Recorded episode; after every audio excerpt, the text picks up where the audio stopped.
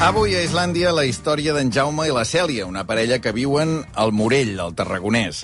Un dia, la Cèlia estava escoltant la ràdio i va sentir la consellera de Justícia, que llavors era Núria de Gispert, que demanava famílies que volguessin acollir a casa seva nens i nenes que no podien estar amb els seus pares. La Cèlia en aquell moment tenia 46 anys i en Jaume 47.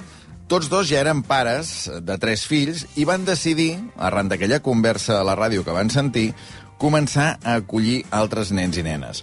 Han passat 20 anys d'aquell moment i en tot aquest temps han acollit a casa seva gairebé una vintena de nens i nenes, d'edats molt diferents. Alguns s'hi han quedat setmanes, altres mesos i alguns s'hi han quedat anys.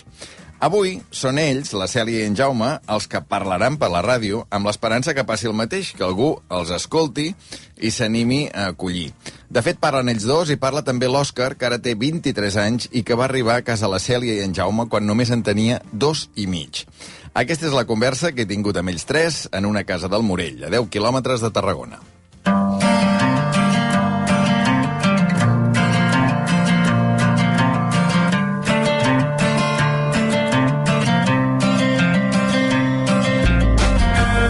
Cèlia. Hola, bon dia. Hola, Jaume.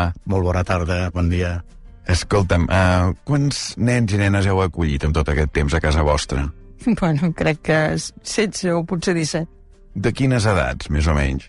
Uh, han anat tots de, dels... El mes, al néixer, diguem. Hi ha hagut un parell que els hem anat a recollir a l'hospital, mm -hmm. que de, doncs tenien 48 hores o així, no?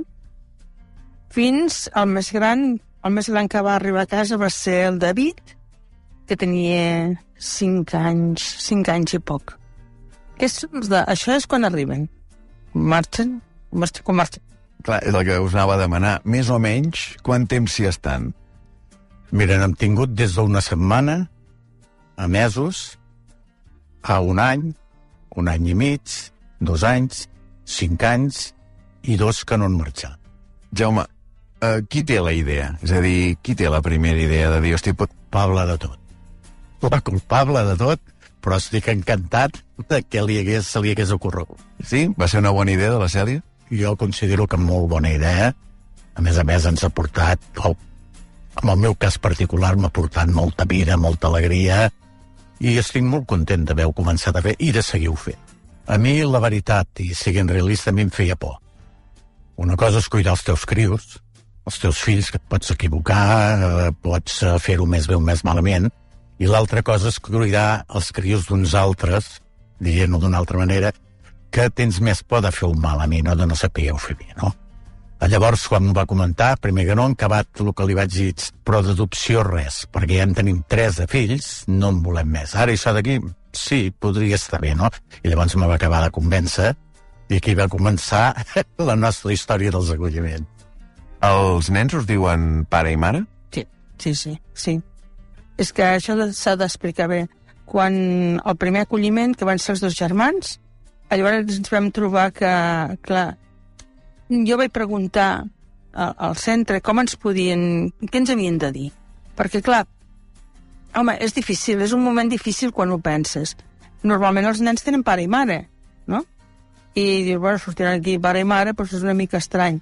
I dir, com ens han de dir? I em van contestar, com ells vulguin, no hi patiu, ells aniran agafant... Que...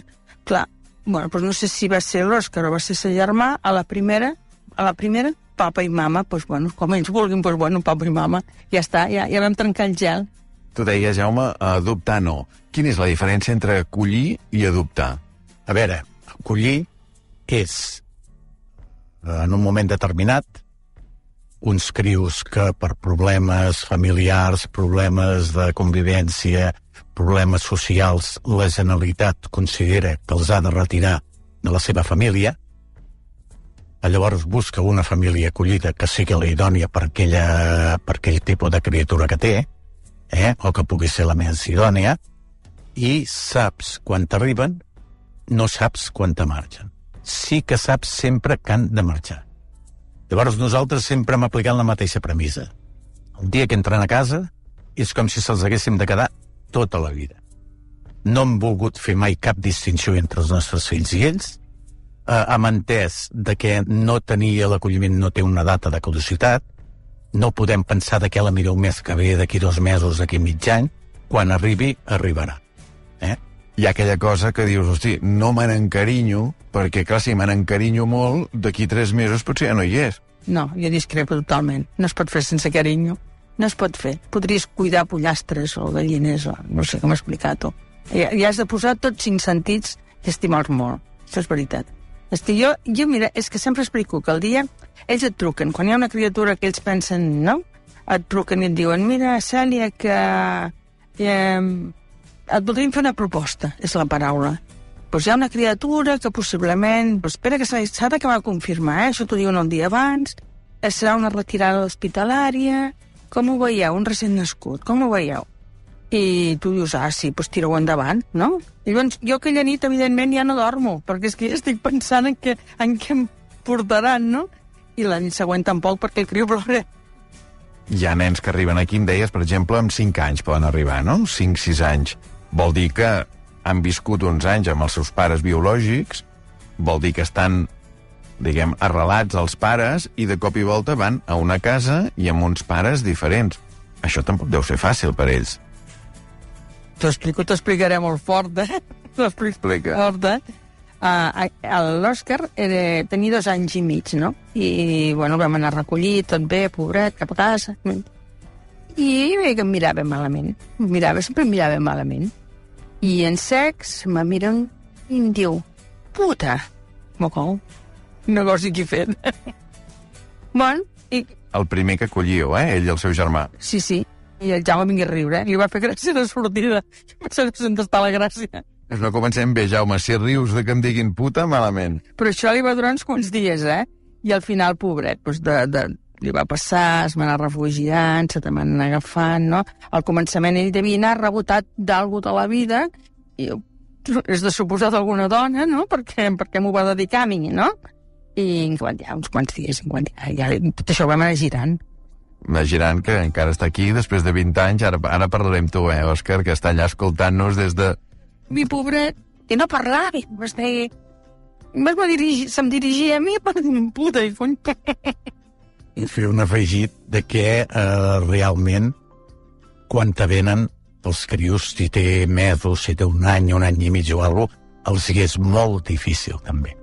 Perquè agafen avui en un lloc que estan amb la seva realitat i demà estan en un altre completament diferent.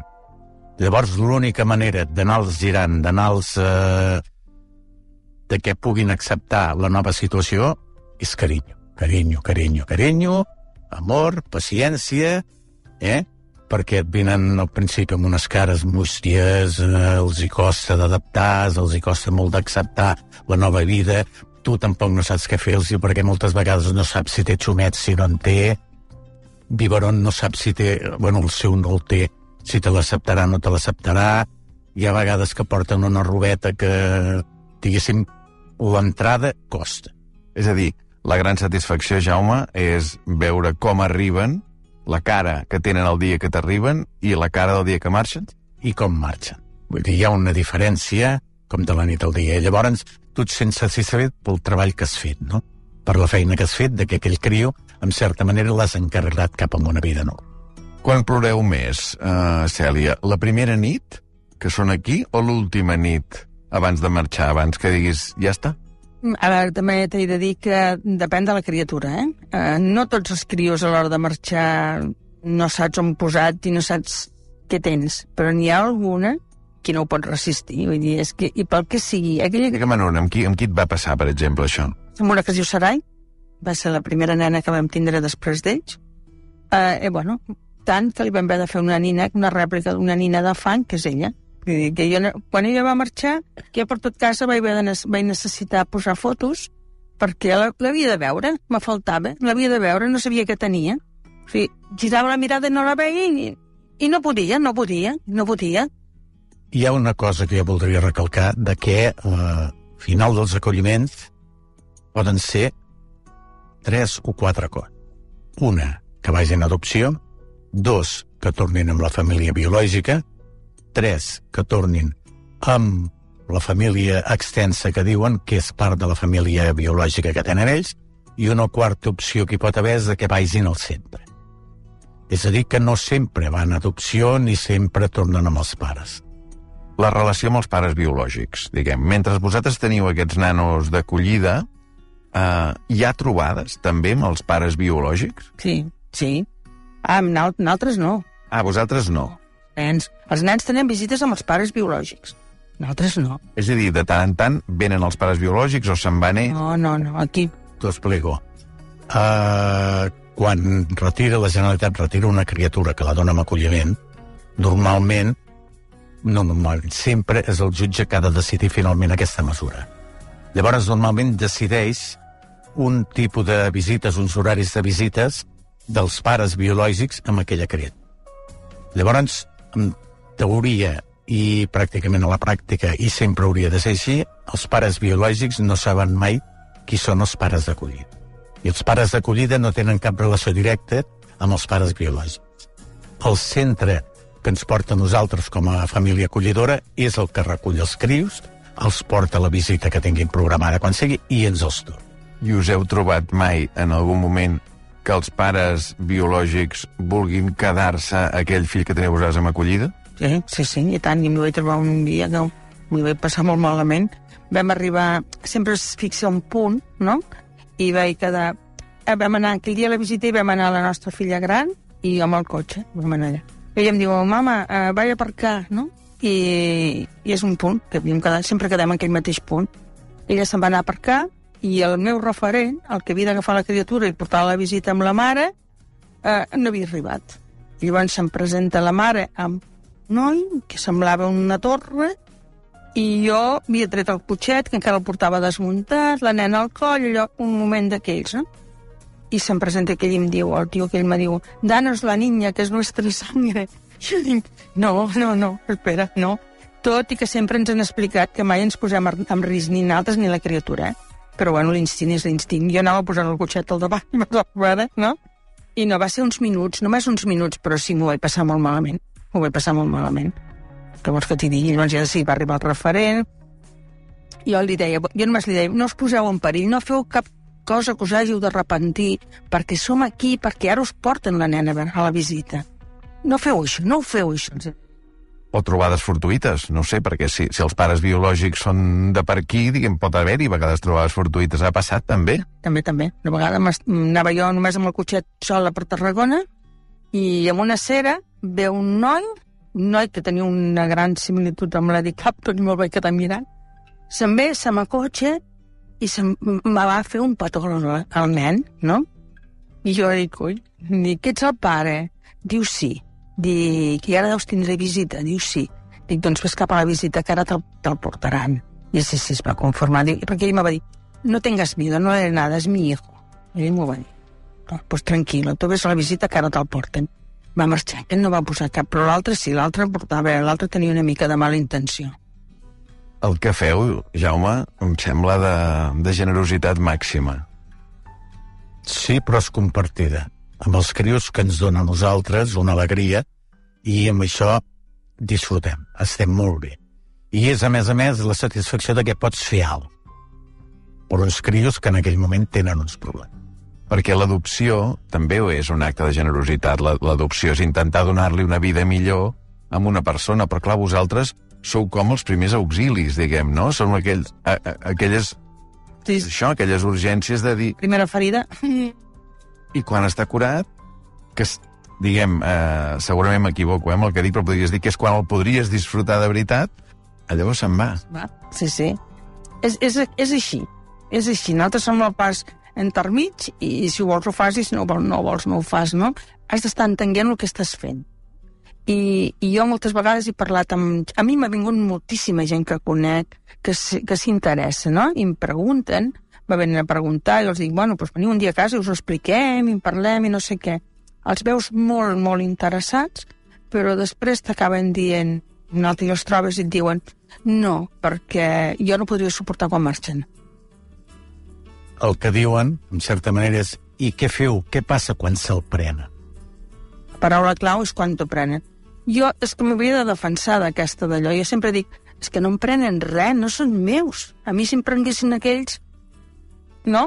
però no són meus. Jo, jo sé... Ells vols dir els teus de sang, diguem. Sí, però jo sé molt bé què és el que estic fent. Em pot doldre molt el dia que marxa un, no sé què, però jo tinc... Jo sabia què volia fer. Però l'Òscar porta 20 anys amb vosaltres. Que ja no me'l prendrà ningú, marxarà quan ell voldrà.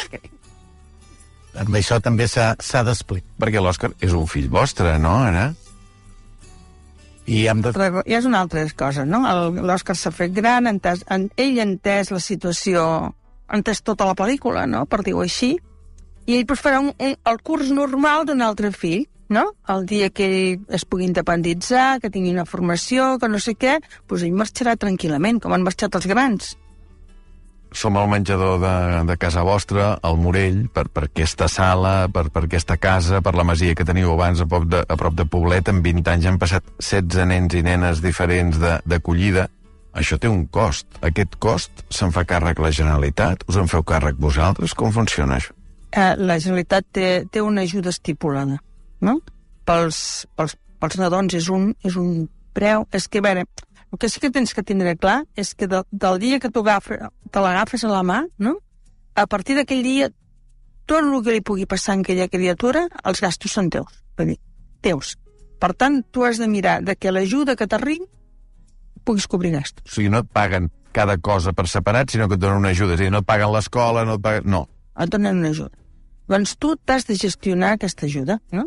Per això mateix has de tindre molta cura de que de la, la robeta, per dir alguna cosa, cuidar-la molt bé, que algun vagi cap a l'altre, a fi i efecte de que, de, que, de que tu puguis anar gestionant aquests dinerets i que t'arribin per tot, per tot el que tu vulguis que facin.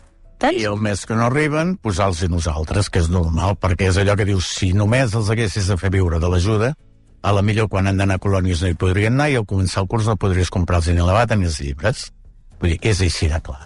Suposo que varia en funció de l'edat que tenen i de les circumstàncies, però què diríeu, uh, Cèlia, Jaume, que, que és el que més necessiten els nens i les nenes quan us arriben aquí a casa? De cosa. Amor, carinyo i atenció. que estiguis per ells. Que, que vinguis a suplir els pares. Paraules suplir els pares. Que pel que sigui, doncs aquesta gent no, pot, no hi en pot ser. Pel que sigui. No entro ni per bé ni per mal, eh? Doncs això. És que, a més a més, ara hi ha un altre problema afegit amb tot això. És, és la droga. És que hi ha molts problemes de droga amb pares. Nosaltres hem tingut nens que han nascut amb síndrome d'abstinència. I això és horrorós. És horrorós perquè es passen un munt de mesos plorant. Nit i dia. Aquest era el perfil més habitual quan us explicaven de quina família venien, que hi haguessin problemes de drogues, o diguem, qui, quin solia ser el perfil? Mira, per un costat hi havia problema de drogues, per l'altre hi havia el problema de la millor de mares solteres, sense un lligam familiar en lloc, i per altre de violència domèstica o de violència de casa. Són potser els tres perfils més... Eh, que et trobes més amb aquest tipus de criatures. Negligència. Tots passen per la negligència dels pares. Això segur, segur. Què és el millor d'acollir eh, nens i nenes a casa? Fills que no són vostres i que els tracteu com si ho fossin. Bueno, doncs això, el dia a dia, i, i, i poder, poder-t'hi tu entregar, no? I recollir aquesta sensació, aquestes mirades que tenen de... Sense ser... No sé, no és, no és la paraula agraïment, però tu veus que aquell trio està bé, no? Veus que, que ha d'haver notat molta diferència del que vivia, el que viu, no? Això, és, això et reconforta molt. No cal que et diguin res. I el pitjor? Bueno, el pitjor, pues, jo sempre dic que a mi el que me molesta més és que quan se'n van, que jo pugui entendre bueno, que mar, allà on van, no? De dir, si jo penso que van i conegut els pares, perquè abans d'anar adopció i tot això sempre ens presenten els pares. Si a mi m'agraden els pares i veig que aquell criu, a la, me, a, a, a, la meva percepció és que estirà bé, perfecte. Ara, si jo no comparteixo a- la decisió de la Generalitat d'allà on anirà el criu, això és mal rotllo, eh? Això també et dona molt malestar, eh? Que en acabat... A veure, t'has d'anar conformant, no hi tens res a dir, no et pregunten res, però tu penses, jolín, no? Uh, Òscar, vine cap aquí, perquè puc parlar amb l'Òscar, no? Que l'Òscar porta més de 20 anys aquí. Visió d'edat. Hola, bona tarda. Escolta'm, quants anys tens tu? 23. I vas arribar a casa del Jaume i la Cèlia amb quants anys? Amb dos anys i mig, encara que no ho recordi, amb dos anys i mig. Tu recordes que li deies puta a la Cèlia? No, però sempre ho han recordat.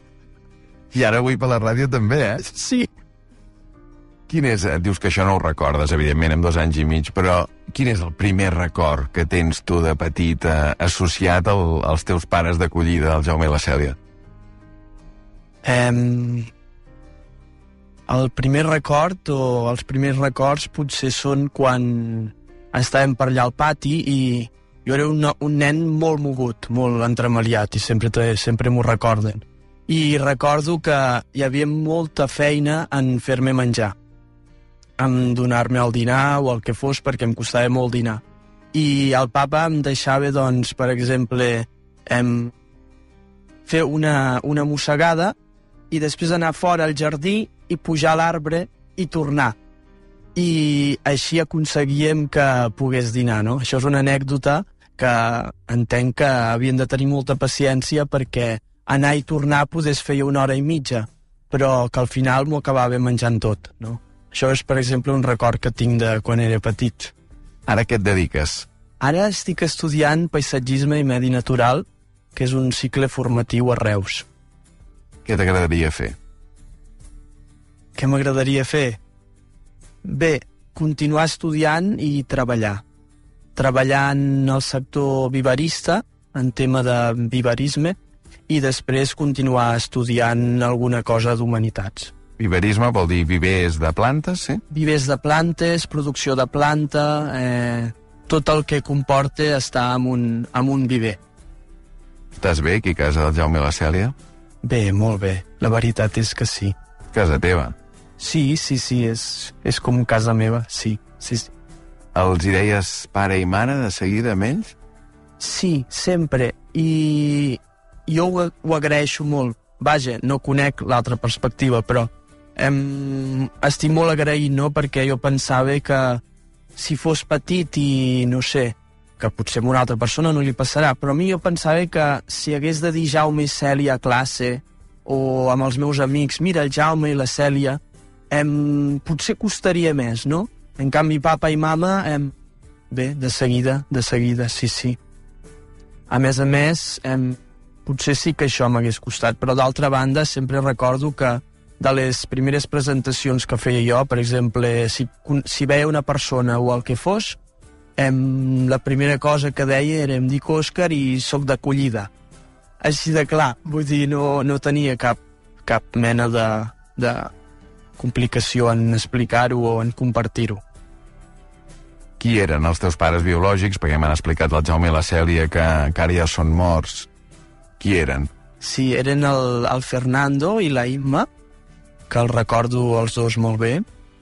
Em, I bé, no faré ara una descripció, però vull dir, sempre m'han explicat que em, es van conèixer, al principi s'estimaven molt, es van casar, em, van intentar, doncs, em, comprar un pis, formar una família, però em, no els hi va anar bé, no els hi va sortir bé la jugada, i bé, són una fa... el pare i la mare, el Fernando i la Imma, doncs, bé, tenien problemes em, mentals, diguem-ho així, diguem així, no tenien una salut mental favorable, i a més a més, doncs, bastanta irresponsabilitat, no?, també, perquè em, ens deixaven molt de temps em, sols a casa. Jo no recordo eh, res eh, de tot el que m'han anat explicant. Em, I això, no? I llavors, doncs, passava això.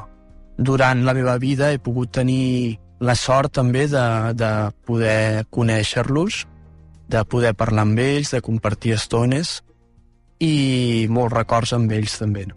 Els has culpat mai d'alguna cosa, els teus pares biològics? Sí, sí, sí. El meu pare molt de temps hem, ha sigut molt com el culpable de tot i m'ha costat molt acceptar que tingués el pare biològic tal com era, no?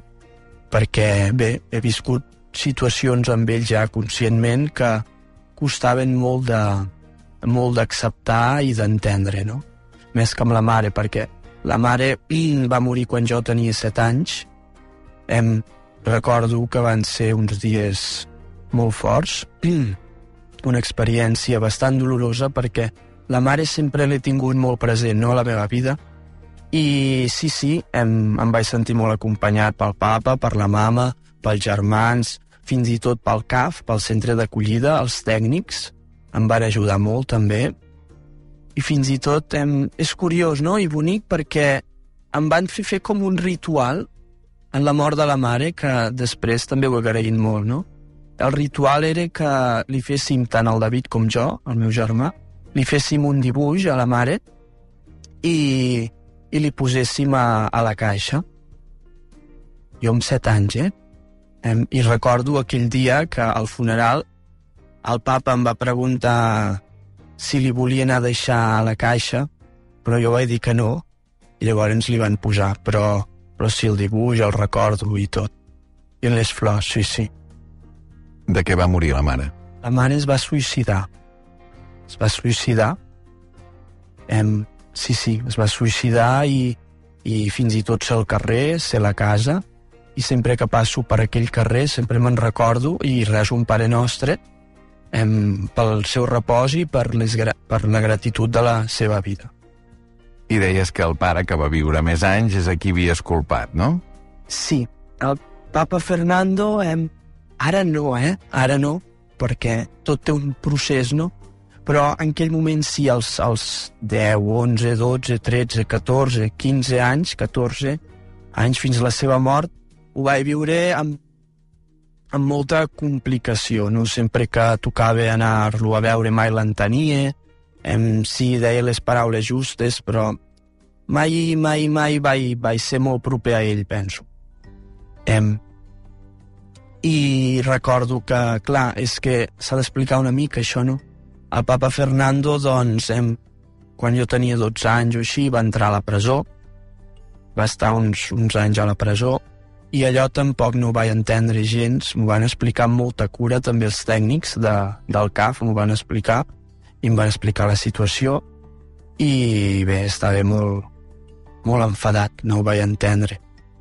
Em, aquí entra una persona important també, el pare Maties, monjo de Poblet, que ell ha estat... Em, gran, és un gran amic de la família, també dels papes, em, i que gràcies a ell també eh, he pogut anar entenent una mica més tot això. No? Que déu nhi que t'ha tocat pair, eh? Sí, sí, sí, la veritat és que sí.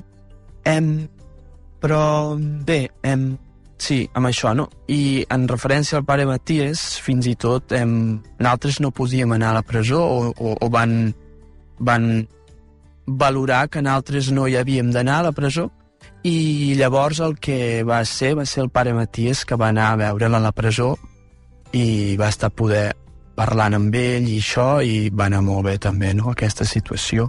Després, el dia de la seva mort, també vam estar acompanyats al funeral per uns quants monjos de Poblet. Quants anys tenies quan es va morir el teu pare biològic, el pare Fernando? 16, 16 anys. Tenia 16 anys. I bé, en aquell moment...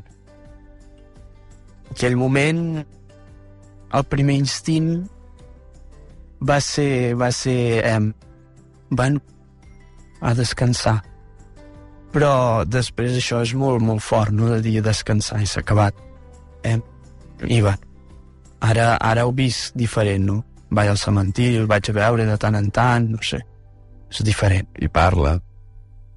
Sí, bé, si parlar no, reso, reso, parlant també, sí. Això una mica. Clar, la tentació és dir que en Jaume i la Cèlia, els pares d'acollida, són qui t'ha salvat la vida. Però potser te l'ha salvat tu, la vida, Òscar. Jo... Algun mèrit deus tenir, tu.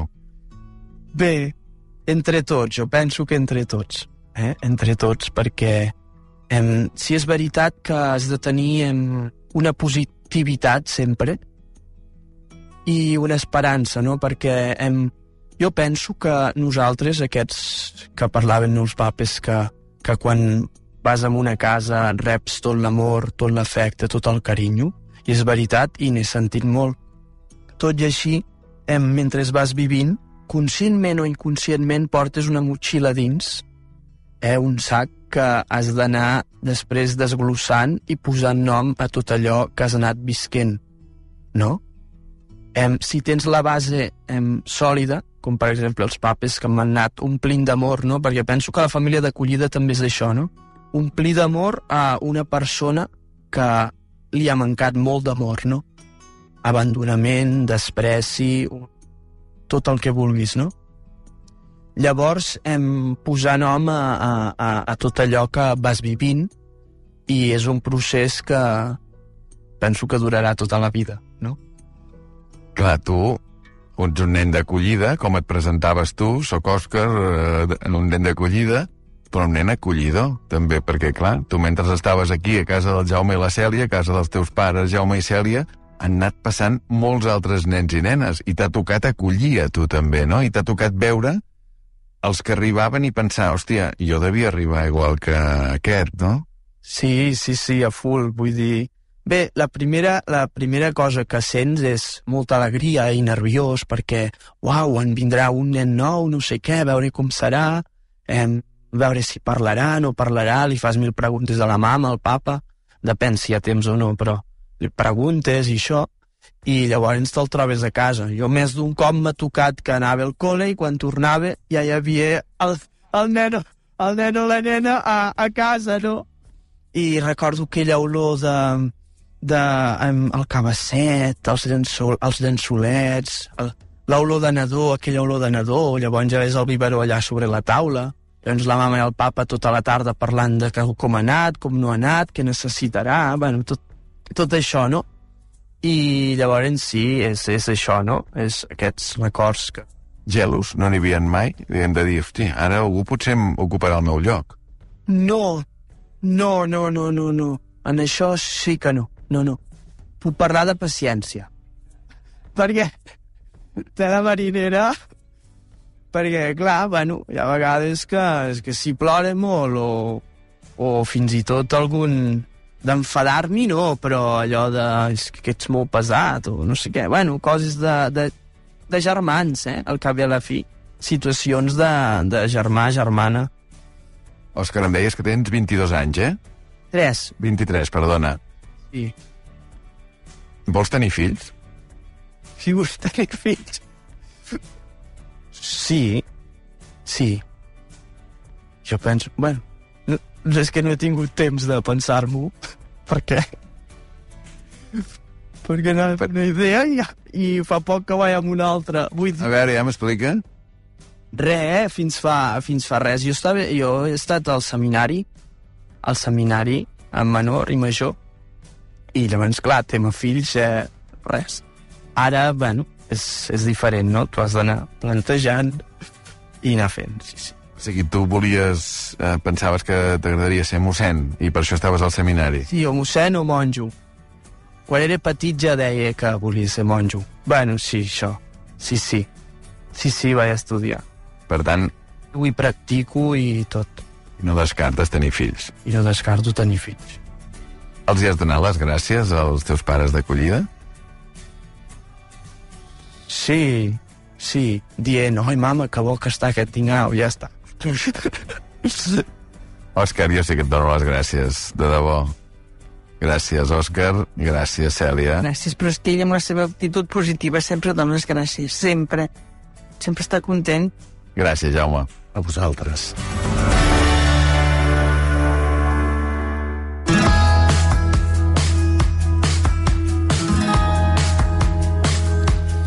Bé, parlant de donar les gràcies, deixem que les doni també el corresponsal de rac a les comarques de Tarragona, l'Esteve Giral, que és qui em va parlar d'aquesta família, qui em va parlar de la Cèlia, del Jaume i, i de l'Òscar, que té una conversa, tots tres, eh? però l'Òscar jo crec que té, té una conversa absolutament preciosa.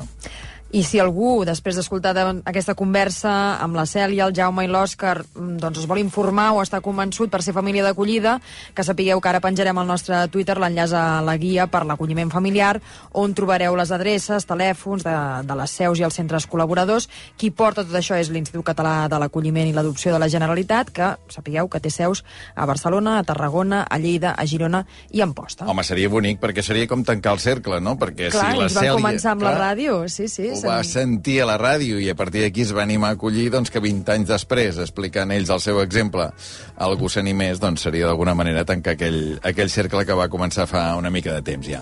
Són dos quarts de vuit i cinc minuts, ens queden moltes coses avui a Islàndia, ja han arribat, ja els tenim aquí fora. Eh? Jo no, només n'he vist un. Sí, I són tots tres? Tots tres, tots Ah. tres. Eh, Els homes han vingut molt abrigats. Sí. Han vingut tots amb el cap tapat, tant el Piti Espanyol com el Joan Reig.